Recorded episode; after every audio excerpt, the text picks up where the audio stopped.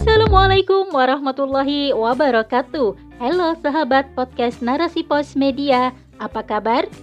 Jumpa kembali dengan saya, Mimi Mutmainah. Seperti biasa akan menemani ruang dengar Anda. Kali ini saya akan membawakan surat pembaca dengan judul Tarif PDAM naik, beban hidup makin pelik oleh Hesti Andira.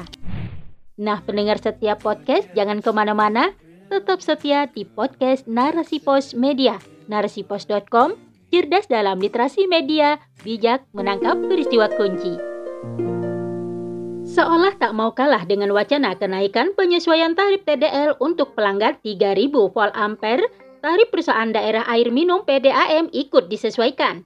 Di bulan April 2022, PDAM Tirta Sembada Kabupaten Sleman mengajukan kenaikan sebesar 6% dari tarif awal.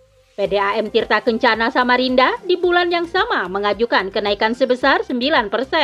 Di bulan Juni, giliran PDAM Tanah Laut Kalimantan Selatan menaikkan tarif sebesar 20%. Terkini melansir republika.co.id pemerintah kota Palembang, Sumatera Selatan mengumumkan tarif air bersih yang disalurkan oleh PDAM Tirta Musi diperkirakan naik sebesar 15% per Agustus 2022. Ada dua alasan mendasar yang ditengarai memicu kenaikan ini. Yang pertama adalah tarif air bersih yang berlaku saat ini masih di bawah biaya produksi dan operasional. Sedangkan alasan lainnya adalah sudah tidak ada kenaikan tarif selama beberapa tahun. PDAM Tirta Mursi misalnya, konon belum pernah menaikkan tarif air sejak 11 tahun yang lalu. Alhasil, para pemangku kebijakan merasa wajar untuk mengadakan penyesuaian tarif air sebagai upaya mengatasi kerugian. Pengembangan usaha atau investasi dengan menafikan daya beli masyarakat yang menurun, kurs rupiah yang melemah, serta kenaikan berbagai jenis bahan pokok. Perusahaan Daerah Air Minum atau PDAM adalah salah satu usaha milik daerah yang bergerak dalam bidang pendistribusian air bersih bagi masyarakat umum. PDAM ini ada di setiap provinsi di Indonesia dan dimonitori serta diawasi aparat eksekutif dan legislatif daerah.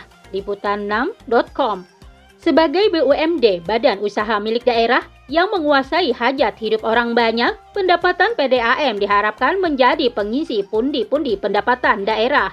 Sebut misalnya PDAM Giri Tirta Gresik yang diwajibkan menyetor dividen sebesar 5 miliar kepada pendapatan asli daerah atau PAD Pemkap Gresik. Indonews.com Ironisnya, kenaikan tarif PDAM nyatanya tidak menjamin perusahaan tersebut bebas dari utang dan kerugian PDAM Kabupaten Wajo Sulsel mengalami kerugian cukup besar mencapai 24 miliar rupiah meskipun pernah mendapat suntikan anggaran sebesar 27 miliar rupiah sampai dengan 2020.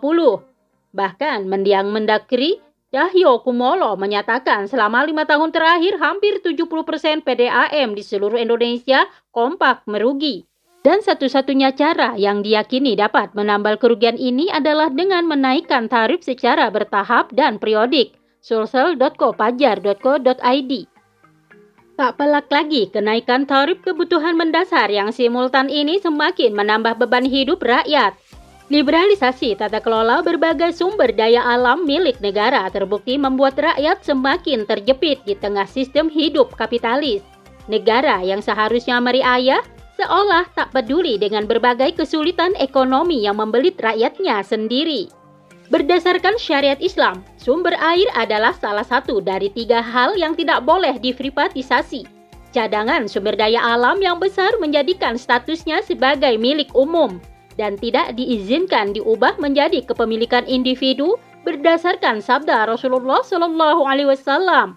Kaum Muslim berserikat dalam tiga perkara: padang rumput, air, dan api, Hadis riwayat Abu Dawud dan Ahmad. Harta milik umum adalah harta yang ditetapkan kepemilikan bagi kaum muslim. Individu diizinkan mengambil manfaat dari harta tersebut, namun tidak diizinkan untuk memilikinya secara pribadi. Dengan demikian, sudah selayaknya negara harus bertanggung jawab mengelola sendiri dengan baik, dengan tidak menyerahkannya pada pihak swasta dan memastikan kebutuhan dasar rakyat terpenuhi dengan harga yang wajar dan terjangkau, tidak membebani rakyat, bahkan gratis jika memungkinkan. Kepemilikan umum merupakan kekayaan negara yang harus dieksplorasi dan dikelola demi menciptakan kemajuan taraf berekonomian umat. Rakyat adalah pemilik dan negara memiliki otoritas untuk mengelolanya. Negara mengelola sumber-sumber energi dengan mengambil peran riayah atau pengurus bukan sebagai jibayah atau pemalat. Negara diharamkan mengeruk keuntungan dari hasil usaha kepemilikan umum. Negara adalah pelayan rakyat dan bukan sebaliknya. Sudah saatnya sistem kapitalis yang sakit ini diamputasi. Kembali kepada syariat Islam yang terbukti mampu mengatur urusan umat dengan adil dan sejahtera selama ratusan abad. Sebagaimana yang disabdakan Rasulullah Shallallahu Alaihi Wasallam, imam atau kepala negara adalah pengurus rakyat. Dia bertanggung jawab atas urusan rakyatnya. Hadis riwayat Al Bukhari. Wallahu alam biswab.